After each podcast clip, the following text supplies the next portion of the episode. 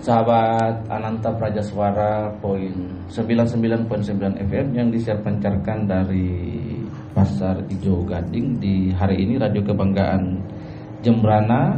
Mari kita siapkan hati kita para pendengar siaran siar, siraman rohani Kristen di pagi hari ini. Saya mengajak kita untuk mencari tempat duduk yang nyaman, kemudian boleh mengambil Alkitab atau catatan sehingga kita bisa mencatat dan mendengarkan sambil mencatat dan Biarlah renungan hari ini menjadi berkat bagi kita semua. Sebelumnya mari kita berdoa. Bapak kami bersyukur di dalam nama Tuhan Yesus. Terima kasih untuk hari ini Tuhan di USU yang baru ini lagi kami bersyukur atas penyertaan perlindungan Tuhan dalam kehidupan kami. Hari ini lewat radio Tuhan Ananta ini kami ingin mendengarkan kebenaran firman Tuhan. Kami minta Tuhan menolong kami, Roh Kudus menolong kami sehingga apa yang kami belajar hari ini boleh menjadi berkat bagi semua pendengar bahkan bagi kami. Di dalam nama Tuhan Yesus kami sudah berdoa dan kami bersyukur. Amin. Nah sahabat yang diberkati oleh Tuhan Yesus, pendengar setia Radio Ananta Praja suara 99.9 FM di hari ini khususnya bagi sahabat Kristiani yang mendengarkan siaran ini di pagi hari ini topik yang akan saya bawa 30 menit ke depan adalah tentang jalan kehidupan yang terambil dari dalam Amsal pasal yang ke-14 ayat yang ke-12. Bagi yang sudah membawa Alkitab, mari kita buka bersama-sama dan saya saya akan membaca bagi kita di pagi hari ini.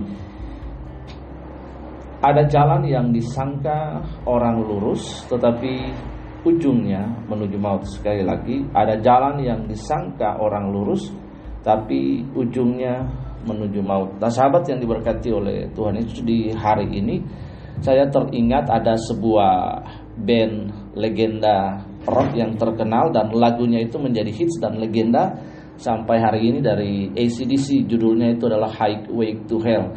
Nah, saya masih ingat liriknya karena lagu ini waktu saya zaman SMP SMA saya main band lagu ini. Kalau tidak salah setengah liriknya aja berjudul bahwa I wanna highway to hell. I wanna highway to hell. Lagu itu terjemahan bebasnya artinya saya ingin terjun bebas ke neraka.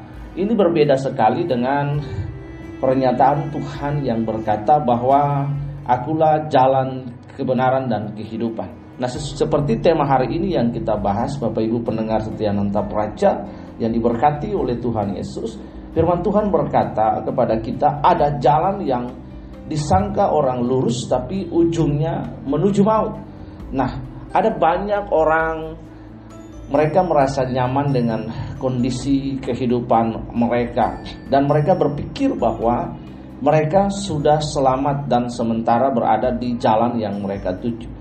Tetapi pernyataan Amsal ini sungguh luar biasa. Dia berkata bahwa ada jalan yang disangka lurus, tapi ujungnya menuju maut.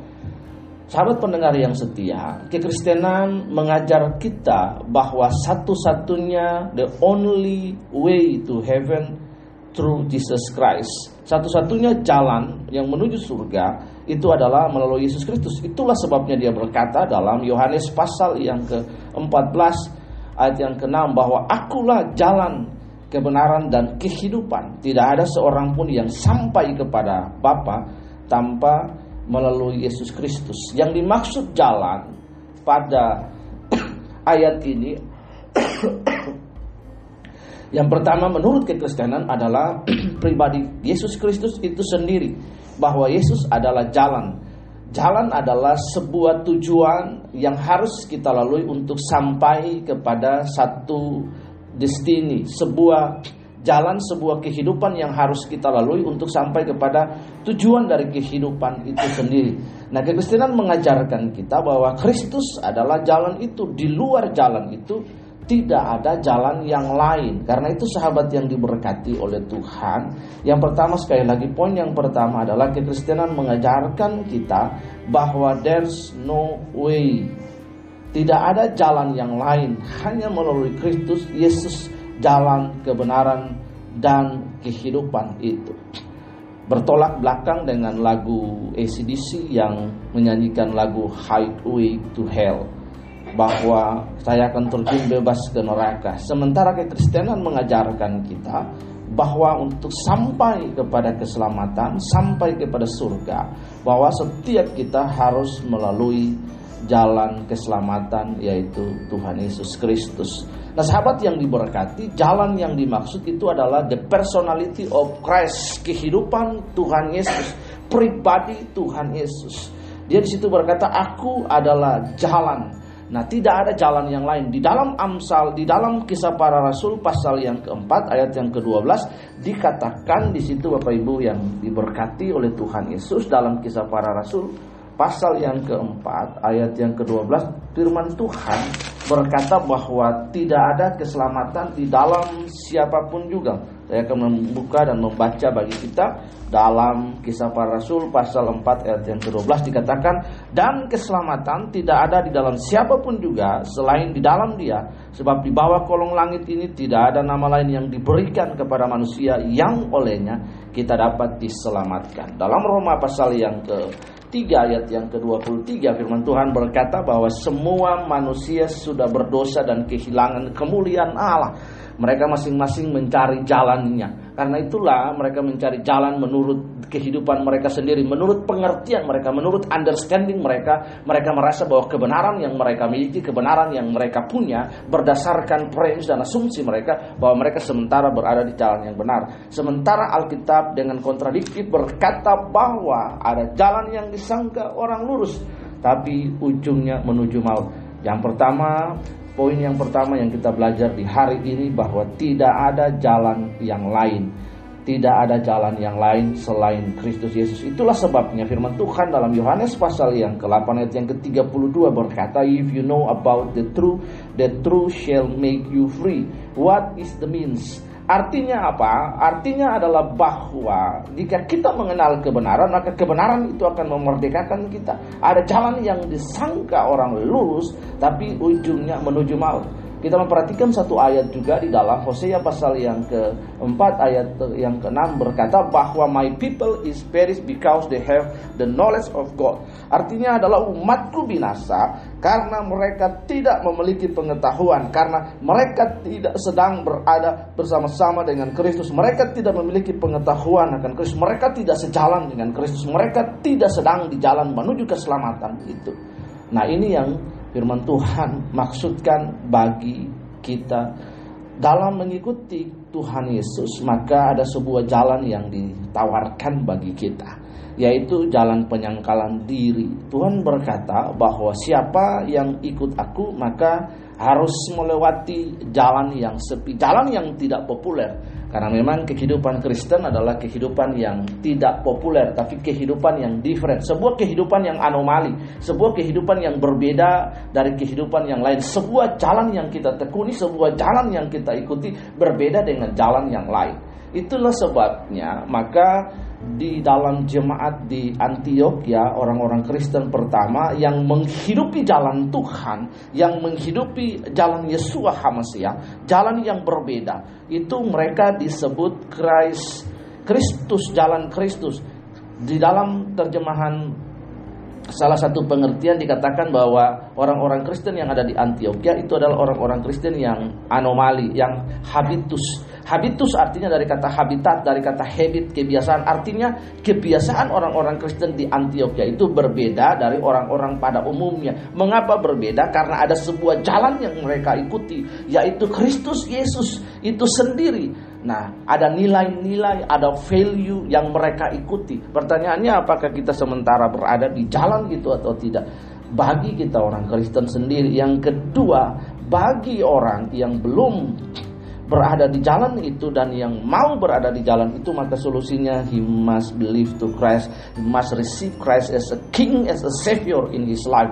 Dia harus percaya dan dia harus menerima Tuhan Yesus sebagai Tuhan dan juru selamat dalam kehidupan. Itulah sebabnya kisah para rasul berkata bahwa tiada nama lain di muka bumi ini yang memberikan keselamatan selain di dalam nama Tuhan Yesus. Dan Tuhan Yesus sendiri bukanlah Tuhan orang Kristen tapi Tuhan seluruh umat manusia There's the many people come that come to him. Semua orang bisa datang dan percaya kepada dia, menerima dia menjadi Tuhan dalam pribadi kehidupan mereka. Jadi inilah yang Injil ajarkan kepada kita. Bapak Ibu dan sahabat pendengar setia Ananta Praja Suara 99.9 FM di hari ini firman Tuhan berkata bahwa jalan yang disangka orang lurus. Banyak orang menyangka bahwa bahkan di dalam kekristenan pun sendiri dia menyangka bahwa dia sudah selamat. Ada banyak orang yang percaya bahwa asalkan saya percaya maka saya sudah selamat dia berka, berpatokan asalkan sudah percaya. Firman Tuhan berkata bahwa kerjakanlah keselamatanmu dengan takut akan Tuhan. Percaya artinya memberi diri kepada Kristus. Artinya bring our own self to Christ. Firman Tuhan yang di lain juga berkata bahwa kamu percaya satu Allah itu baik dan benar, tapi setan juga percaya bahkan gemetar. Dalam pengertian ini artinya percaya artinya kita membawa diri kita bukan sekedar pengakuan akali atau sebuah pernyataan logika tapi benar-benar real sebuah tindakan hidup yang benar-benar bagaimana kita memberi diri kita 100% kepada Kristus untuk berada di jalan itu. Firman Tuhan berkata ikut dia bahwa memasuki sebuah jalan yang sempit. Artinya sebuah pilihan kehidupan untuk tidak sama dengan dunia. Sebuah pilihan kehidupan untuk tidak populis, tidak populer. Sebuah kehidupan yang sangat tidak menyenangkan. Jalan yang dimaksud adalah jalan hodos. Artinya sebuah jalan di mana kita harus mengorbankan diri kita dalam pengertian kita harus menyangkal diri memikul salib untuk mengikuti Kristus karena itu teladan menyangkal diri dan mengikuti Yesus. Nah, dalam jalan hodos itu ada dua kata, dalam pengertiannya adalah kata telibi dan kata telibo. Artinya bahwa melalui jalan itu seseorang pasti berdarah, berdarah-darah. Melalui jalan itulah seseorang pasti terluka, pasti tergores. Itulah sebabnya Tuhan berkata bahwa pedang marah bahaya penyakit sampai kematian tidak pernah memisahkan kita dari kasih Kristus. Dari awal panggilannya pun Tuhan sudah berkata jika engkau mengikuti aku tinggalkan segala sesuatu. Artinya jika engkau mau berada di jalan ini, mau mengikuti jalanku, mau mengikuti teladanku, kita harus berpikir dua kali. Artinya dalam pengertian kita harus buat hitung-hitungan. Karena Tuhan di awal sudah berkata dengan jujur kepada kita. Nah banyak orang yang sedang berada di jalan kekristenan itu saya tidak mengerti apakah benar mereka sementara berada di jalan itu karena memang KTP Kristen, karena memang lahir Kristen atau sebuah sebuah pilihan tantangan kepada panggilan Kristus bahwa kita sementara berada di jalan itu.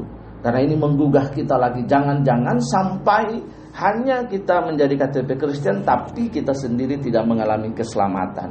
Nah ini yang Tuhan mau dalam kehidupan kita. Nah ada banyak jalan yang disangka lurus tapi ujungnya menuju maut. Berkaitan dengan hal ini juga dalam satu dalam Efesus pasal 1 ayat yang ke 15 dan 17 itulah Paulus berdoa kepada jemaat yang ada di Efesus. Dia berdoa supaya Tuhan memberikan kepada mereka revelation dan pewahyuan dan hikmat untuk mengenal jalan Kristus dengan benar, untuk mengenal pribadi dengan benar. Ada sebuah kisah dalam kisah para rasul, sebuah kitab sejarah dalam perjanjian baru di mana Rasul Paulus yang sebelumnya adalah Saulus seorang murid daripada Gamaliel, seorang rabi yang terkenal pada zamannya, anak daripada Rabi Hilel dan teman sekelasnya dia adalah Stefanus. Kalau kita membaca dalam kisah Rasul pasal ke-6, Stefanus ini adalah satu dari enam uh, daripada tujuh samas atau tujuh penatua, tujuh diakin yang dipilih. Dan salah satunya adalah Stefanus ini teman sekerjanya. Nah kita melihat setelah pasca Pentakosta dan gereja bertumbuh di Yerusalem, maka itu menjadi sebuah ancaman dalam pengertian orang Yahudi waktu itu dan konteks waktu itu bahwa kekristenan sebagai sebuah entitas yang baru menjadi sebuah ancaman menjadi sebuah ancaman bagi sebuah lembaga Yahudi yang sudah mapan yang sudah berumur ribuan tahun yang sudah berumur ratusan tahun waktu itu. Nah, kita melihat bahwa Saulus ini tidak menerima jalan Tuhan. Karena itu dia membunuh orang-orang Kristen yang per, yang yang waktu itu dalam gereja perdana yang baru terbentuk. Dia mengejar semua orang yang mengikuti jalan Tuhan. Dia membunuh mereka bahkan meminta surat dari imam besar dan mengejar mereka sampai ke tanah Syriah Dan sampai di Syria itulah, di Damaskus itulah dia mengalami sebuah perjumpaan. Menurut konsep Paulus, menurut konsep Saulus yang akhirnya menjadi Saulus bahwa dia sementara melakukan jalan Tuhan. Dia sementara giat dalam melakukan pekerjaan Tuhan dengan semangat sekali dia membunuh banyak orang Kristen pada waktu itu dan menganiaya banyak orang Kristen bahkan teman sekelasnya yang adalah Stefanus itu pun dibunuh atas perintahnya dan dia menjadi saksi di situ. Dia sementara berpikir bahwa yang dia lakukan adalah sementara berada di jalan Tuhan tetapi ujungnya itu adalah sebuah kesesatan pikiran. Nah, sebuah kesesatan pikiran inilah yang di di, dilakukan oleh Rasul Paulus waktu itu sebelum dia berjumpa dengan Tuhan. Dan akhirnya finally dia berjumpa dengan Tuhan dan dia mengalami pertobatan dan namanya dirubah menjadi Saulus. Kita melihat bahwa seorang teroris agama yang pertama di bumi ini adalah Rasul Paulus. Seorang teroris agama yang pertama adalah Saulus itu sendiri yang mengalami perjumpaan dengan Tuhan dan akhirnya menjadi rasul dalam panggilan Allah bagi bangsa-bangsa di luar Yahudi. Sebuah perjumpaan yang luar biasa sekali. Nah, karena dia ingin memusnahkan jalan itu, akhirnya dia berjumpa dengan Kristus sebagai jalan, sebagai sumber daripada kehidupan itu sendiri. Ada jalan yang disangka orang lurus tapi ujungnya menuju maut. Berkaitan dengan jalan itu yang adalah kehidupan yang harus kita lalui, maka ada dua jenis kehidupan. Yang pertama adalah kehidupan dalam pengertian bios, artinya kita hidup hari ini, kita bekerja, kita bersekolah, kita menikah, dan kemudian uh, hal seperti ini dia berputar, siklus ini berputar seperti biasa. There's no God in life. Tidak ada Allah dalam kehidupan, kehidupan rutinitas yang dijalani secara bios. Tetapi ada pengertian kehidupan yang lain yaitu soe. Artinya kehidupan di mana kita tetap tinggal di bumi, kita tetap bekerja, kita menikah, kita mendidik anak-anak, menempuh pendidikan dan melakukan banyak hal, tetapi ada Allah di dalamnya. Nah, ini yang menjadi kehidupan yang berbeda. Karena itu Bapak Ibu sahabat pendengar Ananta Praja Suara 99.9 FM yang disiar pancarkan dari Pasar Ijo Gading di pagi hari ini. Tidak ada pilihan yang lain bagi kita selain kita datang kepada Kristus sebagai jalan kehidupan itu. Sebuah tawaran yang sungguh luar biasa bagi kita. Nah dikatakan bahwa Yesus adalah jalan kehidupan itu sendiri. Tidak ada kehidupan yang lain. Jika seseorang ingin hidup, dia harus memulai hidupnya dengan Kristus sebagai alfa. Dan kemudian dia ketika dia menjalani kehidupannya dengan Kristus sebagai alfa, alfa poin, dia juga akan mengakhiri kehidupannya dengan Kristus sebagai omega poin. Artinya mengawali hidup tidak ada kehidupan yang tidak berasal daripada Allah dan semua kehidupan seharusnya bagi kita yang percaya harus memulai kehidupan dengan Kristus sebagai sumber, sebagai pemilik kehidupan itu sendiri dan kemudian akan mengakhiri hidup ini dengan Kristus. Itu sebuah pernyataan yang luar biasa. Sahabat pendengar yang diberkati oleh Tuhan Yesus, tidak ada pilihan yang lain Pertama dia adalah jalan, yang kedua dia adalah kebenaran itu sendiri. Nah untuk orang berjalan menempuh jalan itu tentunya mereka punya premis, mereka punya understanding, mereka punya asumsi bahwa sesuatu yang saya tempuh apakah ini benar, apakah ini tidak benar menurut pilihan mereka. Tetapi Alkitab berkata bahwa jalan yang benar adalah di dalam Kristus itu sendiri tidak ada jalan lain, tidak ada kebenaran yang lain. Karena itu bagi kekristenan, Kristus adalah kebenaran mutlak.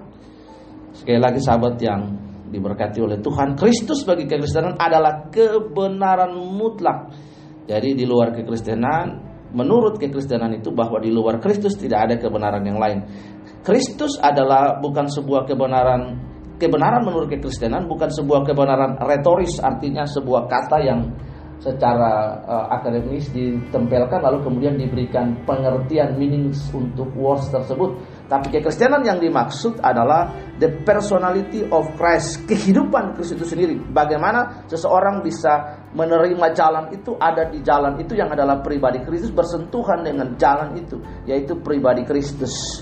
Nah ini sungguh luar biasa. Aku adalah jalan, kebenaran, dan kehidupan.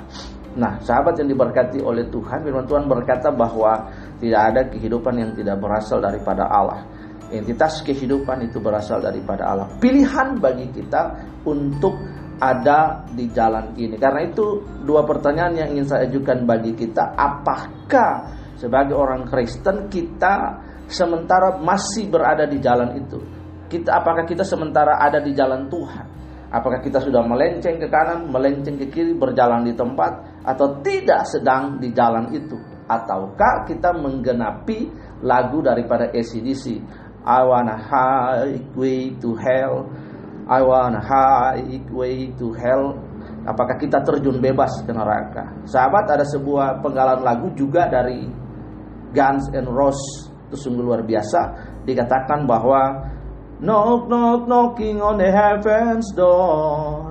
Apakah kita sementara mengetuk pintu kerajaan surga? Karena Tuhan berkata, kamu mencari aku, mencari jalan itu maka aku, kamu akan menemukan aku. Nah ini yang sungguh luar biasa. Sama-sama dua legenda rock, tetapi ada hal-hal baik dari penggalan lagu uh, Knocking on the Heaven's Door yang dinyanyikan oleh uh, Guns and Roses.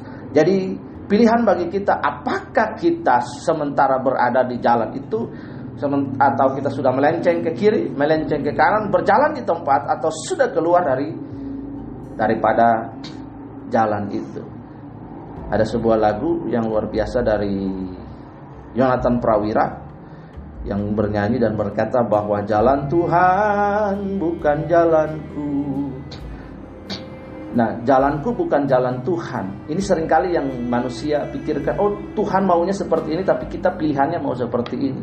Nah, sering kali yang uh, manusia pikirkan tentang jalan ini. Jadi, mari kita belajar hari ini tidak ada jalan yang lain. Yang kedua adalah bagi orang yang ingin mencapai dan mencari jalan ini, yang belum percaya kepada Kristus, dia pun dapat menikmati jalan ini dan ada di jalan ini. Karena Tuhan Yesus bukan Tuhan orang Kristen saja, tapi Tuhan seluruh umat manusia. Dia berkata, datanglah kepadaku yang berbeban berat, maka aku akan memberikan kelegaan. Jadi siapa pun yang datang, karena dia adalah Tuhan semesta langit ini, Tuhan seluruh jagat nata ini, siapa pun yang datang kepadanya, maka akan diberikan kelegaan yang stres, yang pusing, yang sakit, yang kecewa, yang dalam penderitaan datang kepadanya Tuhan akan memberikan kelegaan. Saya ingin nyanyikan sebuah lagu meskipun saya bukan uh, saya tidak bisa berbahasa Bali dengan baik dengan lancar tapi saya ingin nyanyikan lagu ini. Mohon maaf untuk para pendengar kalau salah bisa dikoreksi nanti melalui saluran telepon atau WA tapi saya ingin menyanyikan lagu ini. Oh ida sang yang nikiti tiang piana ida Dadi yang titiang sekadi jalan ida Yang tetap tresna Yesus seterusnya. Yang tetap tresna Yesus selawasne dia stun badai silih berganti ring hidup titiangi yang tetap tresna Yesus seterusnya. Oh ida sang yang nikiti tiang piana ida benang nyuri tiangi oh ida sang yang Nikiti tiang piana ida Tadi yang titiang sekedi jalan ida. Jadi pilihan bagi kita sahabat di hari ini adalah Apakah kita sementara berada di jalan itu kita sementara ke kiri, kita sementara ke kanan, berjalan di tempat atau tidak sama sekali ada di jalan itu atau keluar dari jalan itu. Karena itu kita butuh hikmat daripada Tuhan. Itulah sebabnya Hosea berkata bahwa my people is perish because they have the knowledge of God. Umatku binasa karena tidak memiliki pengetahuan akan Tuhan. Karena itu untuk mengerti jalan-jalannya Tuhan, maka firman Tuhan berkata bahwa iman timbul oleh pendengaran dan pendengaran ke firman Tuhan. Roma 10 ayat 17. Karena itu firman Tuhan berfungsi untuk mengajar kita, memperbaiki kelakuan kita, menyatakan kesalahan dan membawa kita kepada seluruh kebenaran. Seluruh kebenaran artinya kepada pribadi Kristus yang adalah jalan hidup yang kita harus tempuh. Dan yang berikut adalah bagi siapa pun yang ingin ada di jalan itu. Karena Tuhan Yesus bukan saja Tuhan orang Kristen, tapi Tuhan seluruh umat manusia yang punya pergumulan, yang punya sakit penyakit, yang membutuhkan kasih karunia daripada Tuhan maka dia dapat datang kepada Kristus sang pemilik kehidupan itu sendiri. Baik sahabat yang diberkati oleh Tuhan, demikianlah firman Tuhan yang saya sampaikan di hari ini. Mari tunduk kepala dan kita bersyukur. Bapak kami bersyukur di hari ini di dalam nama Tuhan Yesus kami sudah belajar Tuhan dari Amsal pasal yang ke-14 ayat yang ke-12 jalan kehidupan hanya melalui Engkau Tuhan. Terima kasih ajar kami supaya kami tidak berjalan menurut jalan kami, kami tidak berjalan menurut pengertian kami tapi menurut jalan-jalanmu karena Engkau adalah jalan kebenaran dan kehidupan. Terima kasih biarlah firman ini menjadi berkat bagi kami sepanjang hari ini. Tuhan kami berdoa Tuhan memberkati radio suara Ananta ini, memberkati Bapak Widya dengan bersama-sama dengan kami di studio ini dan semua pengurus yang ada, semua pegawai yang ada, semua penyiar yang ada Tuhan memberkati mereka masing-masing dengan pekerjaan mereka, kehidupan mereka dengan keluarga, suami, anak-anak mereka dan semua perangkat Tuhan uh, pegawai yang ada di sini dari manajer, pengurus sampai siapa pun diberkati mereka Tuhan berikan kesehatan kepada mereka, sukacita kepada mereka, damai sejahtera kepada mereka untuk terus uh, bekerja dan melayani masyarakat Jembrana lewat Radio Kebanggaan Jembrana ini Tuhan. Terima kasih kami berdoa dan mengucap syukur. Kami hari ini berdoa memberkati Tuhan 52 desa, 5 kecamatan seluruh camat kelima camat yang ada dan berbekal di ke 52 desa di Jembrana Tuhan Yesus memberkati dan 9 kelurahan Tuhan memberkati memberkati Tuhan Bapak pimpinan kami di kabupaten ini yaitu Bapak Putu Arta dan Bapak Kembang sebagai bupati wakil bupati. Tuhan berikan kesehatan kepada mereka hikmat kepada mereka jagai mereka Tuhan dan berikan hikmat kepada mereka untuk mereka membangun Jembrana dengan jauh lebih baik keluarga mereka, rumah tangga mereka. Tuhan memberkati. Dan kami berdoa memberkati Jembrana ini biar masyarakat Jembrana ini diberkati rahajeng rahayu selalu dalam semua hal yang dikerjakan. Tuhan terima kasih kami menolak semua hal yang buruk atas kota kami. Damai sejahtera atas kota kami. Dalam nama Yesus. Dan kami juga bersyukur untuk presiden kami yang sudah dilantik Tuhan memberkati Bapak Jokowi dan Pak Maruf dalam memimpin bangsa Indonesia. Tuhan menjadi bangsa yang luar biasa. Kami berdoa sehingga spirit bineka tunggal ika kesatuan itu Tuhan walau berbeda-beda menjadikan bangsa ini bangsa yang kuat. Dalam nama Yesus Engkau memberkati para menteri yang akan dipilih untuk membangun ke depan sehingga Indonesia menjadi Indonesia yang jaya Tuhan.